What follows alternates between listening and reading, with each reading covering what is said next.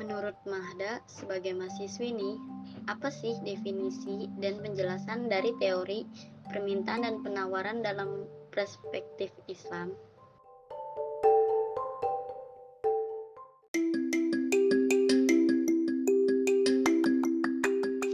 Nah, yang pertama, teori permintaan dalam Islam. Pandangan ekonomi Islam mengenai teori permintaan re relatif sama, sama halnya dengan ekonomi konvensional. Tapi, dalam ekonomi Islam ada batasan-batasan dari individu untuk berperilaku ekonomi sesuai dengan syariat Islam, norma dan juga moral yang merupakan prinsip utama dari ekonomi Islam. Sehingga teori ekonomi yang terjadi menjadi berbeda dengan teori ekonomi konvensional. Teori permintaan Islami membahas tentang permintaan barang halal, barang haram, dan juga hubungan antara keduanya. Dalam motif permintaan Islam, menekankan pada tingkat kebutuhan konsumen terhadap barang tersebut. Nah, teori permintaan menurut Muhammad yang menerangkan dalam bukunya yang berjudul Ekonomi Mikro dalam Perspektif Islam yang di mana cetakan pertama pada tahun 2004 dari Yogyakarta yang menjelaskan uh, menurutnya teori permintaan itu merupakan perbandingan lurus antara permintaan terhadap harganya yaitu apabila permintaan naik, maka harga juga relatif naik. Sebaliknya, bila permintaan turun, maka harga juga relatif turun. Menurut Sadono Sukirno, teori permintaan menerangkan tentang ciri hubungan antara jumlah permintaan dan juga harga. Jadi, dalam permintaan kita harus menyesuaikan dengan kebutuhan kita, bukan hanya sekedar menuruti segala keinginan kita. Karena semakin besar permintaan kita terhadap suatu produk, otomatis sumber dayanya pun bisa mengakibatkan kelangkaan bahan produksi. Lalu yang kedua, teori penawaran dalam Islam. Nah, dalam menguraikan teori penawaran dalam perspektif ekonomi Islam, mengikuti penjelasan dari Nasution et al.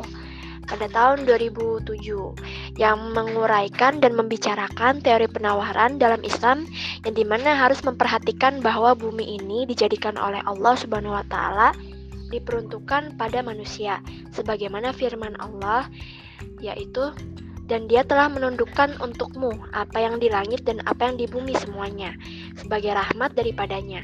Sesungguhnya pada yang demikian itu benar-benar terdapat tanda-tanda kekuasaan Allah bagi kaum yang berfikir. Nah, ini terdapat pada surat Al-Jasiyah ayat ke-13 dalam Al-Qur'an.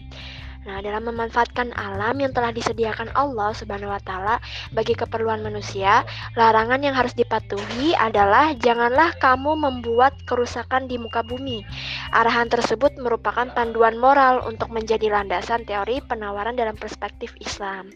Nah, ini saya kutip dari uh, referensi uh, buku yang berjudul Teori Permintaan Islami bab 4 karya Rohmat dari Tulungagung halaman 49 sampai 52 dan juga referensi yang saya ambil dari uh, buku Ekonomi Mikro dan Perspektif Islam karya Ismail Nawawi terbitan dari Dwi Putra Pustaka Jaya pada tahun 2010 di halaman 35.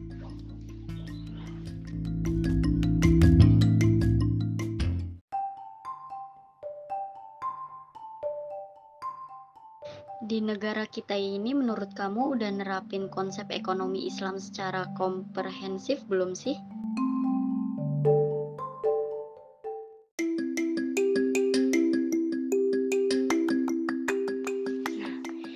Masalah permintaan dan juga penawaran udah nggak asing lagi bagi kita yang pernah mempelajari teori mikroekonomi yang terdapat pada ilmu ekonomi di bangku sekolah maupun bangku kuliah permintaan dan penawaran juga udah jadi kegiatan sehari-hari bagi kita dalam melakukan kegiatan perekonomian.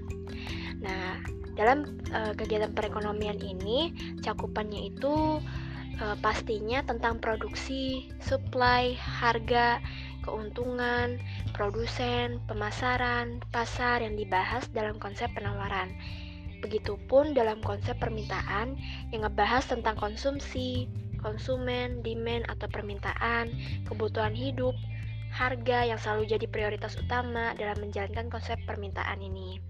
Nah, tidak jauh beda dengan konsep permintaan dan penawaran dalam perspektif ekonomi Islam.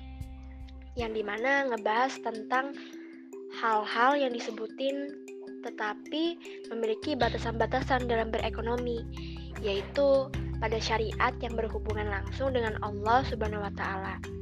Dan sumber-sumbernya itu berasal dari Al-Qur'an, As-Sunnah, serta ijtihad dari para ulama atau para ekonom Islam sebagai uh, ideologinya, sebagai uh, prinsip dasar dari ekonomi Islam.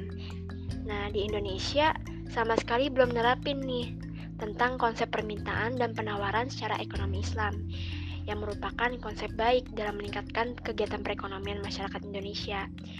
Yang bisa dibilang Indonesia terlalu fokus kegiatan perekonomiannya pada sistem mencari keuntungan, mencari keuntungan yang besar dan juga materialistis.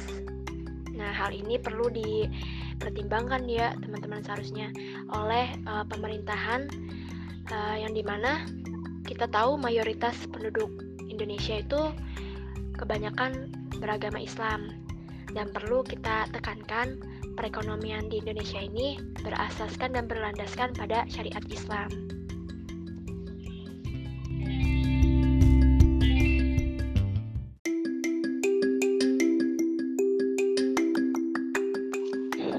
Konsep dari permintaan perspektif Islam uh, dari menurut pandangan Ibnu Taimiyah permintaan suatu barang adalah hasrat terhadap sesuatu yang digambarkan dengan istilah rokbah fil al-syai yang di mana artinya ini sebagai jumlah barang yang diminta secara garis besar dan juga permintaan dalam ekonomi Islam sama dengan ekonomi konvensional. Tapi ada batasan-batasan tertentu yang harus diperhatikan oleh individu muslim dalam keinginannya. Islam mengharuskan untuk mengkonsumsi barang yang halal lagi e, dengan bentuk yang baik dan juga disyariatkan. Nah, aturan Islam melarang seorang muslim memakan barang yang haram kecuali dalam keadaan darurat, di mana apabila barang tersebut tidak dimakan, maka akan berpengaruh pada kesehatan muslim tersebut. Nah, selain itu, dalam ajaran Islam, orang yang punya banyak uang itu nggak dibolehin membelanjakan uangnya semau hatinya. Batasan anggaran belum cukup untuk membatasi konsumsi. Nah, batasan lain yang perlu diperhatikan yaitu seorang muslim nggak boleh berlebihan atau bisa dikatakan dengan isyraf dan harus mengutamakan kebaikan yang disebut dengan maslahah dalam Islam dan tidak menganjurkan permintaan suatu barang dengan tujuan kemegahan, kemewahan, kemubaziran. Nah, bahkan Islam memerintahkan bagi yang sudah mencapai nishab atau mencapai uh, balik dewasa untuk menyisihkan dari anggarannya untuk membayar zakat, infak, dan juga sodako.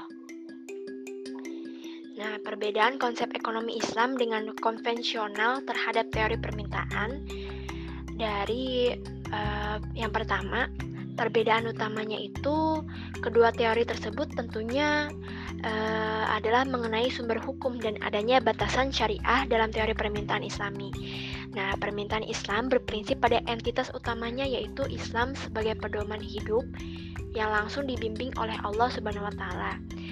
Lalu perbedaan yang kedua uh, dalam Ekonomi konvensional, filosofi dasarnya itu berfokus pada tujuan keuntungan dan materialisme. Hal ini wajar karena sumber inspirasi ekonomi konvensional itu dari akal manusia yang tergambar pada daya kreativitas, daya olah informasi, dan juga imajinasi manusia. Padahal akal manusia merupakan ciptaan dari Allah dan memiliki keterbatasan bila dibandingkan dengan kemampuan. Lalu perbedaan yang ketiga, konsep permintaan dalam Islam menilai suatu komoditi tidak semuanya bias untuk dikonsumsi maupun digunakan. Dibedakan antara yang halal maupun yang haram. Allah berfirman dalam surat Al-Maidah ayat 87 sampai 88 yang artinya, hai orang-orang yang beriman, janganlah kamu haramkan apa-apa yang baik yang telah Allah halalkan bagi kamu, dan janganlah kamu melampaui batas, dan makanlah makanan yang halal lagi baik dari apa yang Allah telah rezekikan kepadamu. Dan bertakwalah kepada Allah yang kamu beriman kepadanya. Oleh karenanya dalam teori permintaan Islam ngebahas permintaan barang halal, barang haram, dan juga hubungan antara keduanya. Sedangkan dalam permintaan konvensional, semua komoditi itu dinilai sama dan bisa dikonsumsi atau digunakan. Lalu perbedaan selanjutnya, permintaan Islam bertujuan mendapatkan kesejahteraan atau kemenangan akhirat atau falah sebagai turunan dari keyakinan bahwa ada kehidupan yang abadi setelah kematian, yaitu kehidupan akhirat. Nah, sehingga anggaran yang ada harus disisihkan sebagai bekal untuk kehidupan akhirat. Nah, seperti itu perspektif permintaan ekonomi Islam. Lalu ada uh, konsep penawaran dalam perspektif ekonomi Islam yang di mana Pertama itu bahwa Islam memandang manusia secara umum, apakah sebagai konsumen ataupun produsen, sebagai suatu objek yang terkait dengan nilai-nilai. Nah, nilai-nilai ini yang paling pokok yang di mana didorong oleh Islam dalam kehidupan perekonomian, yaitu kesederhanaan dan tidak silau dengan kegemerlapan kenikmatan duniawi, atau dikatakan dengan zuhud dan ekonomis atau dikatakan dengan iktisyot. Nah, inilah nilai-nilai yang seharusnya menjadi tren gaya hidup Islam Islam uh, milenial zaman sekarang nih. Yang kedua, yaitu norma-norma Islam yang selalu menemani kehidupan manusia, yaitu halal dan haram. Nah, produk-produk dan transaksi pertukaran barang dan juga jasa tunduk kepada norma ini. Hal-hal yang diharamkan atas manusia itu pada hakikatnya adalah barang-barang atau transaksi yang di mana berbahaya bagi diri mereka dan kemaslahatannya.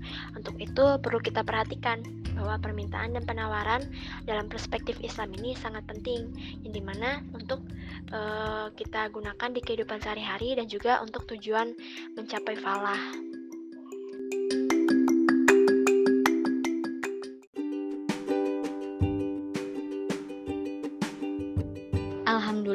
Kita jadi paham tentang teori permintaan dan juga penawaran dalam perspektif Islam.